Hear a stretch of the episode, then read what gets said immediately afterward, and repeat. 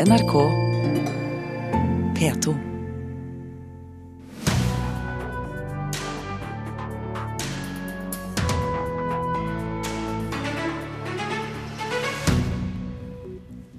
Norske forfattere frykter amerikanske tilstander i bokbransjen dersom det stemmer at store boknavn får fremforhandle royalty som er høyere enn det avtalte. Det er en skandale om Forsvaret kutter ut to av fem musikkorps. Det mener forbundsleder i Musikernes Fellesorganisasjon. Og den andre presidentkandidatdebatten måtte bli et retorisk mesterstykke fra Donald Trumps side, men ble den det? Vi skal etter hvert snakke med retoriker Ratna Kamsvåg litt senere i sendingen. Har Gyldendal gitt Jens Stoltenberg spesialbehandling ved å gi ham en høyere royaltysats enn det som er avtalt mellom norske forlag? Det erfarer Dagens Næringsliv at det har skjedd, og NRK kan dessuten erfare at dette gjelder flere forfattere enn Stoltenberg.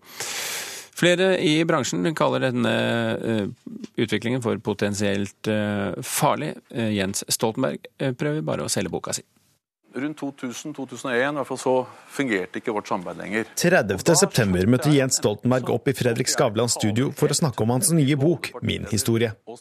I helgen skrev Dagens Næringsliv at de kunne erfare at Gyldendal, som gir ut boka til Stoltenberg, har gitt han en bedre royalty-sats enn satsen som er avtalt mellom Forleggerforeningen og Forfatterforeningen. Det er jo ikke uproblematisk at en norsk forfatter, enten han nå heter Jens Stoltenberg eller er en fullstendig ukjent lyriker, får fremforhandlet avtaler som avviker fra normalkontraktene. Sier forfatter Tom Egeland. Formålet med denne avtalen er nemlig at alle norske forfattere, enten de er etablerte eller totalt ukjente, skal i solidaritet få samme royalty for det de gir ut. Og etter det NRK erfarer, har forfattere droppet avtaler med andre forlag for å gå til Gyldendal, som tilbyr en bedre royalty. Dette er en farlig utvikling, for det vi da fort ender opp i amerikanske tilstander, hvor de største stjernenavnene får fremforhandlet avtaler på bekostning av forfattere som er mindre kjente.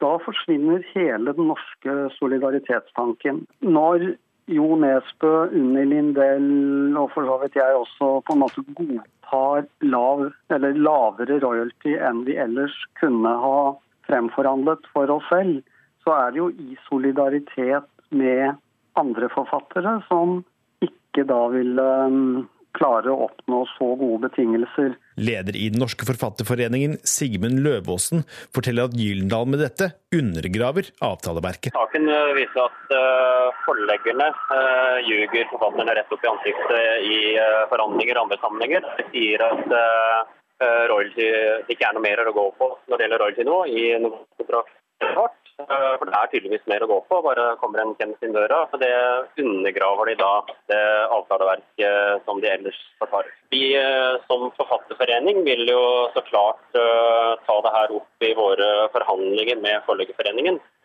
For da er det tydelig at de ikke snakker sant når de forteller oss at det ikke er mer å gå på når det gjelder royalty-nivå. Begge er medlemmer av de to foreningene, altså både forlag og forfatter. Så skal den normalkontrakten benyttes.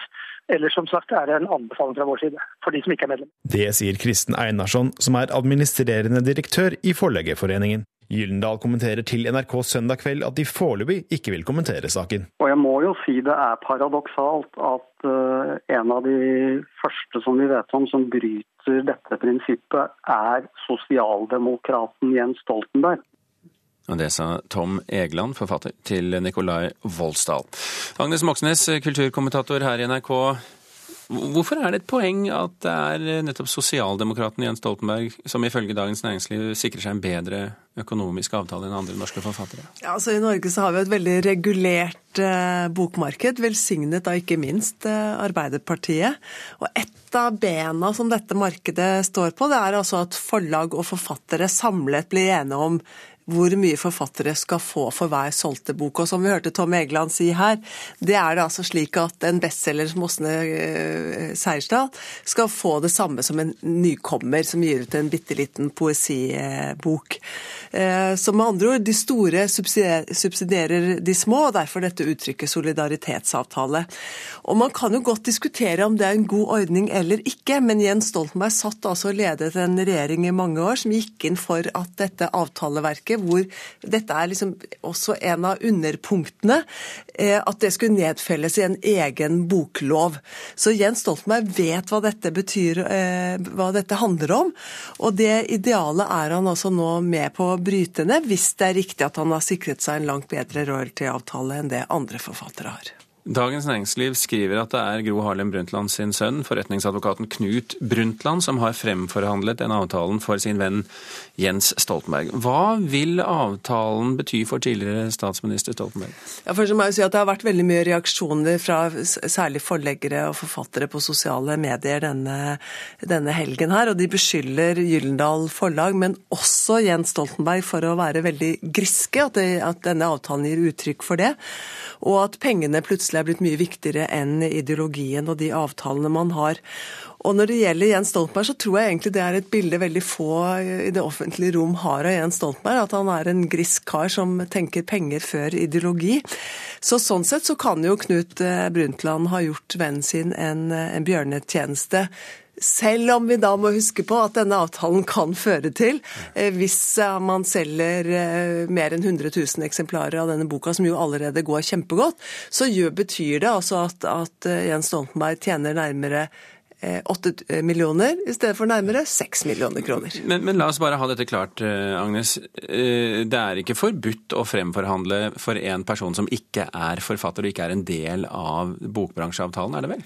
Nei, altså De havner jo ikke i fengsel, men de bryter jo med det avtaleverket de selv har, har men signert. Men Jens, men Jens, Stoltenberg er jo ikke en forfatter, medlem i Forfatterforeningen eller, eller oversetter forfatterforeningen. Nei, men Gyldendal Forlag er medlem i, og en av de viktigste forlagene i, i, Norge. Så de er jo bundet av disse avtalene. Men Gyldendal sier altså vi, vi, har jo prøvd å få tak i dem, selvsagt, og de, og de, er ikke rede til å kommentere denne saken for oss, men skriver i en mail at de forholder seg til normalkontrakten i norsk bokbransje, og for øvrig aldri kommenterer konkrete avtaler. Har de gjort noe galt her?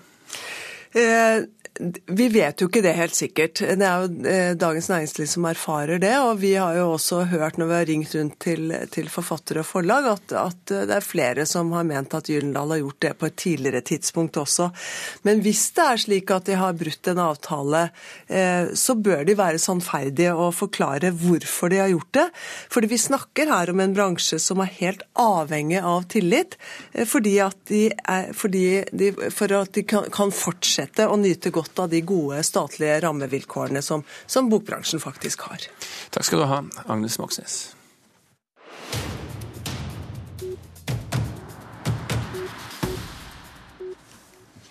Vi har fått inn reporter Oddvin Aune i studio for å fortelle oss hva avisene skriver i dag. Og, og, og som vanlig er det jo eh, litt tynt på mandag morgen, Oddvin. Men Aftenposten skriver i hvert fall at det nå kommer en kinofilm eh, om maleren eh, Nikolai Astrup. Ja, det stemmer. Det er regissør Pål Øye som forteller i Aftenposten om planene sine for å lage et dokumentardrama om Nikolai Astrup. Han legger lista høyt og forteller at planen er å lage en kinofilm som eh, skal kunne treffe i både inn- og utland. Og Målet med filmen skal være å vise hvordan, eh, hvordan kunsten til Astrup ble skapt, og ikke minst å finne ut hvorfor den treffer så mange som den gjorde. Og, og, gjør fortsatt. Vi, vi, vet jo at uh, Nikolai Astrup ble vist på, på, på Henny Onsdag kunstsenter, og en stor suksess for Henny Onsdag kunstsenter nå i, i sommer. Men hvem var han egentlig? Nei, han, han, var en av de viktigste norske billedkunstnerne. Han eh, hadde en stor produksjon til tross for et relativt kort liv. Han eh, døde jo i 1928, bare 47 år gammel. Men uh, veldig mye av kunsten hans har jo da motiver fra hjembygda Jølster i Sogn og Fjordane. Uh, han er jo kanskje mest kjent for maleriene av Jonsok Sokkbål i uh, heimbygda si, mm. Og Pål Øye, hvem er det? Eh, han har gjort seg bemerka for å lage grøsserfilmer. Han har hatt regi på tre ulike grøsserfilmer. Eh, begge de to villmarkfilmene, og i tillegg grøsseren 'Skjult' fra 2009. Han er sjøl halvt jølstring og har da naturlig nok et godt forhold til, til Astrup. og sier at han har fått kunsten til å strupe inn med morsmelka. Det blir spennende å se om han bytter eh, filmsjanger når han også skal bytte eh, tematikk her. Ja. Um, og så har det kommet for så vidt en, en trist melding, men kanskje ikke så, så, veldig overraskende i og for seg. Ehm, den polske filmregissøren Andrzej Wajda er død, og han er kanskje litt for gammel for vår generasjon, men hvem var han? Ja, det stemmer. Han var en av regner regnet for å være blant de mest respekterte europeiske filmregissørene. Han, eh, han, har, han er kjent for å ha skildra Polens historie og nasjonalånd gjennom særlig en filmtrilogi fra 1950-tallet. Uh, og han ble i 2000 tildelt en æres-Oscar for et langt liv i filmens tjeneste. Og ja, han ble da 90 år gammel. En anstendig alder for en mm. anstendig filmskaper. Eh, tusen hjertelig takk, eh, Oddvin Aune, for at du orienterte.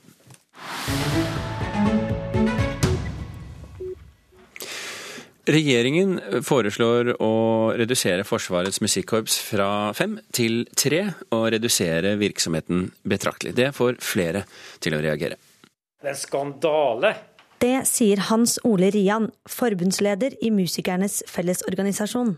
Hvis regjeringen får det som de vil, blir Forsvarets musikkorps i Trondheim og Horten lagt ned, og virksomheten reduseres til kun å dekke Forsvarets behov. Med andre ord, det kan bli færre konserter for sivilbefolkningen, og dermed også kanskje mindre av dette. Forsvarsmusikken er en veldig viktig brobygger mellom folket og Forsvaret.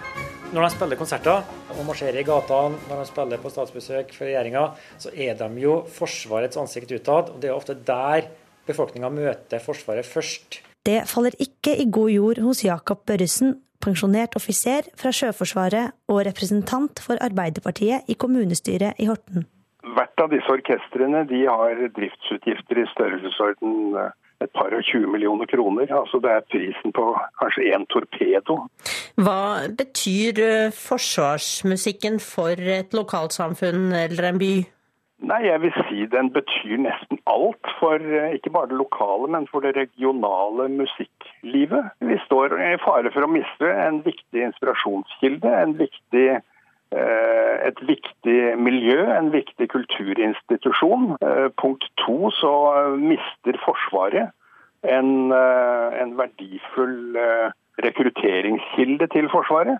I likhet med mange andre som gjør sin innspill i en prosess rundt et budsjett, så er det sånn at noen ganger så tar regjeringen innspillene til følge fullt ut, og andre ganger så velger de en annen modell sier Ole Asbjørn Fauske, sjef for Forsvarets fellestjeneste, som helst skulle sett at dagens korpsstruktur ble opprettholdt. Det er ikke noe tvil om at det faglige rådet fra musikkinspektøren og fra, og fra meg var å opprettholde dagens struktur. Men slik ser det altså ikke ut til å bli. Altså, forsvaret har jo et slagord for alt vi er og alt vi har. Og ved å legge ned disse orkestrene, så så legger vi ned noe av det vi er. Og det syns jeg vi bør ha en større bevissthet på.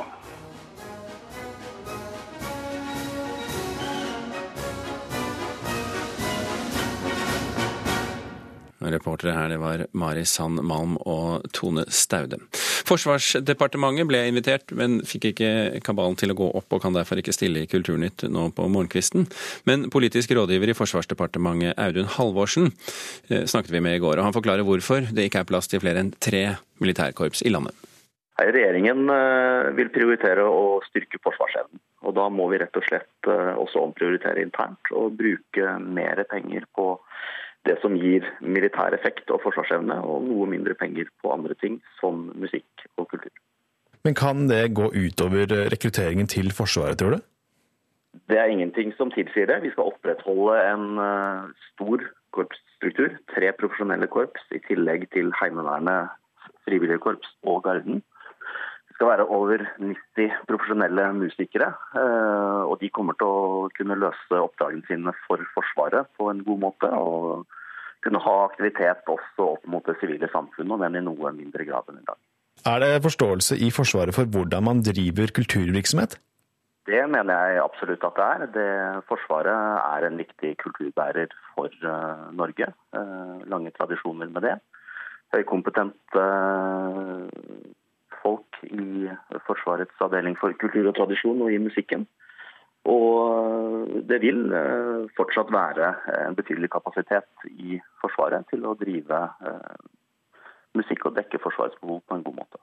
Argumentet om den sikkerhetspolitiske situasjonen og styrking av forsvarsevnen, det er jo et argument som kan brukes også hvis dere i fremtiden kutter til to orkestre eller bare ett orkester. Ligger det an til å kutte flere orkestre noe fram i tid, eller er tre orkestre den ideelle mengden?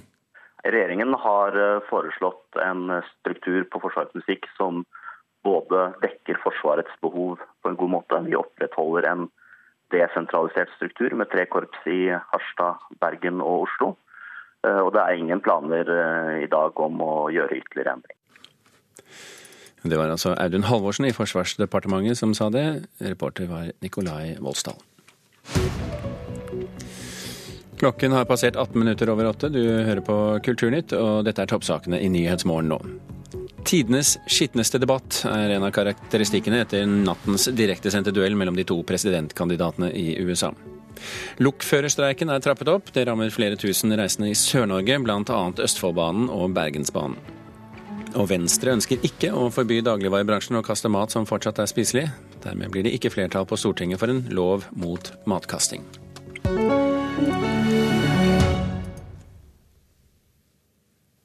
It's just awfully good that someone with the temperament of Donald Trump is not in charge of the law in our country. Because you'd be in jail. Secretary Clinton. Du ville vært i fengsel, sa Donald Trump om sin motdebattant Hillary Clinton i nattens debatt i St. Louis, USA. En debatt som allerede er beskrevet som den skitneste, mørkeste og bitreste debatten i amerikansk historie. Og det var jo krevende nok for Donald Trump å reise seg fra forrige debatt i utgangspunktet, men etter de skandaløse lydklippene med sexistiske bemerkninger, så krevde det vel kanskje et retorisk mesterverk av ypperste klasse for å komme seg tilbake i vinnersporet. Velkommen til Kulturnytt, retoriker tilknyttet både BI og Universitetet i Oslo samt spaltist i Aftenposten, Ratna Elisabeth Kamsvåg. Takk. Ble det et retorisk mesterstykke fra Trump? Et mesterstykke er det kanskje vanskelig å kalle det, men at han hadde forberedt seg for en gangs skyld, og at han tok kraftig, det er det i hvert fall ingen tvil om. Hva, hva slags strategi vil du si at han valgte? Nei, Han gikk jo for angrepet beste forsvar, og han prøvde å eh, snu alle assosiasjoner til han, og snu det til helt andre ting, anklager mot Hillary Clinton osv. Hvor effektiv vil du si at den strategien var? Nei, For de velgerne som allerede lyttet til han, så var det ganske effektivt. I etterkant av debatten så var det jo mange panel som diskuterte bl.a. at han har lykkes i å redusere den skandalen med det lydbåndet fordi at det man sitter og diskuterer i etterkant, ikke er nødvendigvis bare det lydbåndet, men mange andre ting i tillegg. Før denne debatten, noen timer før, så, så innkalte han til en pressekonferanse som han publiserte på sin Facebook-side. Der satt han med fire kvinner som har tidligere vært uh, i clinch med Bill Clinton. Uh, og vi snakker da om beskyldninger om seksuelle overgrep. Han sa ikke så veldig mye der. Nesten ingenting. Hva slags retorikk vil du kalle det? Nei, Både der og gjennom egentlig hele debatten så bærer det preg av det man kaller um, troverdighet gjennom tredjeperson. Der man låner troverdigheten til tredjeparter um, for å styrke sin egen troverdighet eller sin egen sak. Hillary Clinton må jo selvfølgelig også ha vært forberedt på hva som kom, siden Donald Trump sa at det var ikke snakk om, om å, å, trekke seg fra presidentracet. Hvordan kontret hun angrepene fra Trump rent retorisk? Nei, i starten, Hun prøvde jo i større grad å holde seg til sak, men det Donald Trump gjør, at han tvinger på en måte både eh, debattledere, motdebattanter, eh, til å gå ned på et nivå de ikke, der de ikke er kjent. Det er et ukjent terreng for dem. Eh, fordi han snakker ikke som en polert politiker, han følger ikke spilleregler. Men hun snakker jo i større grad om sak, og så refererer hun jo hele tida til denne nettsida si, der man kan gå inn og undersøke fakta. da. Men hvor effektivt er det å trekke debatten ned på et slags eh, Ja, han har jo selv brukt sånn eh, eh, locker room, altså et sted hvor, hvor man kan være eh, mer pøbelaktig, da. Ehm, ja, altså det, hele den strategien med å gå mot det bestående, eh, og det så vi jo går, han går jo eh, i tillegg mot eh, sine egne, altså mot, til og med mot visepresidentkandidaten sin, som han sa seg uenig med, og andre republikanere. Og det gjør han jo for å styrke da denne ideen om at han er et godt alternativ til det bestående. Mm. De bedriver jo en gjensidig kamp om å kalle hverandre løgner. altså Det er jo Crooked Hillary og, og så videre. Eh, litt sånn som barn gjør, egentlig. Ehm, og den ene er ikke stort bedre enn den andre. Hvor effektiv er slik retorikk overfor de amerikanske velgerne, tror du? Du, det er faktisk veldig effektivt, viser forskning. Det å trekke sånne type assosiasjoner inn gjennom språkbilder. Eh, og det ble brukt gjennomgående i hele går, bl.a. med å kalle henne djevelen osv. Men også sånne andre typer språkbilder som å si at eh, flyktningstrømmen fra Syria er en trojansk hest osv. osv. Det er varslet flere avsløringer både om Trumps sexisme og Clintons e-postskandale i ukene som kommer eh, og dagene som kommer. Hva vil du som retoriker råde dem til, hvis vi nå later som om, eh, om det var mulig å gi dem et råd her? Eh, ja, nå har jo endelig Donald Trump vist seg å ta imot råd, ser det ut til. Så kanskje her, det lydbåndet var akkurat det som skulle til for at han faktisk ville brukt tid på, på forberedelse. Men det er nesten helt umulig å gi dem råd. Og det, fra Clinton-leiren så blir det jo sagt at eh, det, det, var det beste alternativet, det at han faktisk kom godt nok ut fra den debatten i natt, fordi at, sånn at ikke de kaster en ny kandidat inn i ringen sammen med henne. Mm. Ratna Elisabeth Kamsvåg, vi gleder oss vel begge til eh, også den tredje og siste debatten. Eh, takk for at du kom til Kulturnytt. Eh, vi skal til noe helt annet. Til en, et spørsmål om en bok. For når en bok på norsk heter Mellem brødre, så vet du at den enten er skrevet av en danske om et eller annet dansk, eller av en veldig veldig gammel nordmann. Og Siden forfatteren med meg her i studio er en ung mann, så må vi altså uh, tenke at dette her er noe dansk inn i bildet. Eller hva, Rasmus Glentøy? Og jeg kan ikke helt løpe fra jeg taler en øh, sydnorsk dialekt. sydnorsk dialekt, ja. Du er historisker ved Syddansk universitet og redaktør for boken Mellem brødre. Hva slags bok øh, snakker vi om her? Jamen, det er en bog, der handler om dansk-norsk historie gjennom 600 år, hvor vi både ser på foreningstiden, de 400 år, men måske nok så meget på de 200 år efter, som øh, ofte bliver glemt, at der stadig var en stor vekselvirkning, navnlig på 1800-tallet mellom Danmark og Norge, som har påvirket begge lande meget, men som ikke passer inn de nasjonale fortellinger vi har skapt. Men, men, går det så langt som å kalle det en kulturell union? Ja, det, de siste 200 år? Ja, ja især måske 1800-tallet. Knapt så meget 1900-tallet, vil jeg nok si. Uh, men hvor vi ser på hvordan at uh, litteraturen og kunsten ble utviklet i et, i et fellesskap hvor København ikke lenger var den politiske hovedstad, men den kulturelle hovedstad stadigvæk for Norge. Mm. Eh, forlaget, Spartakus forlag skriver i innsalget av boken at unionen med Norge er et glemt kapittel i dansk samfunn. Og da A, er det sant, og i så fall B, hvorfor ble det slik? Uh, det er, det er måske å presse sitronen, for å bruke et, et dansk uttrykk her, men det, det er til dels riktig. Uh, at uh, det korte av det lange er at den måten vi har skrevet historien på, både i Danmark og i Norge, er, at vi har tilbakeført nasjonalstaten på en tid, hvor den ikke nødvendigvis eksisterte. 1814 blir sådan et, et, punkt, hvor vi skærer alt over et eller annet sted. Og vi glemmer vekselvirkningen her mellem det danske og det norske på 1800-tallet, uh, og tror litteraturen er rent dansk i Danmark. Uh, mm og overser betydningen av Ibsen og Bjørnson osv. Og, øh, og det nasjonalromantiske danske landskap, hvis vi ser på maleriene, det ble skapt av I.C. Dahl. Men, men, påvirkningen var vel gjensidig, var den ikke det? Altså, Kirkegård påvirket jo våre forfattere? Absolutt. Hvis vi ser på litteraturen, så kan man si på første halvdel av 1800-tallet. Der dominerede danskerne eh, med at Grundtvig og Ingemann og Bakkesen var de største forfattere i Norge. Mens vi tar annen halvdel av 1800-tallet, der dominerede nordmennene. Ja, Hvorfor ble det slik? Fordi de var best. Det er alltid veldig hyggelig å invitere folk til studio som skryter litt. Du, I år så fyller Lysebu 100 år. Samtidig er det 70 år eh, siden Fondet for dansk-norsk samarbeid ble opprettet, og, og da mottok eh, Lysebu som norsk folkegave. Eh, og ikke minst som takk for den danske matvarehjelpen eh, til Norge under krigen. Hvordan vil du si at samarbeidet mellom Norge og Danmark er i dag? Jamen, det er jo godt. Uh, det er jo ikke en tilfeldig... Du er jo selvfølgelig liksom programforpliktet til å si det, men Jeg er dypt tendensiøs her, uh, så det kan, der er lige en, en advarsel her. Uh, nei, jeg, jeg syns forholdet mellom Danmark og Norge er godt. altså, der ble lavet en undersøkelse for to-tre år siden om hvilket folk danskerne best kan lide i verden, og det er nordmennene. Mm. Hvilket ikke er overraskende, fordi hvem minner mest om danskerne i hele verden? Det gør nordmennene. Så det er en måte at øh, erklære man best kan lide seg selv.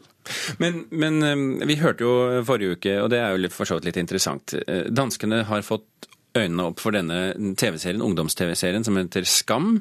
Eh, og det morsomme er jo reaksjonen i Danmark, fordi at de er veldig forbauset over at noe såpass kult kunne komme fra Norge. Så det er kanskje eh, danskene som trenger denne boken mest, da, 'Mellom brødre'? Eh, det er det. Det anerkjenner jeg gjerne, at det er danskene der i høyest grad glemmer fellesskapet mellom Danmark og Norge. Men tror du at altså Denne gis jo nå ut i, i Norge pga. 100-årsjubileet. Skal den også ut i Danmark? Den kommer absolutt også i Danmark. Den blir utgitt om to-tre uker i Danmark. Mm. Ok, Rasmus Glentøy fra Syddansk universitet, tusen hjertelig takk for at du kom og snakket om Mellem brødre. Vi eh, har tenkt til å runde av eh, Kulturnytt eh, i denne omgang. Vi har i dag snakket om både norske forfattere som frykter amerikanske tilstander i bokbransjen, og Forsvaret som kutter to av fem korps for å spare penger. Tone Staude og Birger Kolsrud Aasund takker så mye for følget.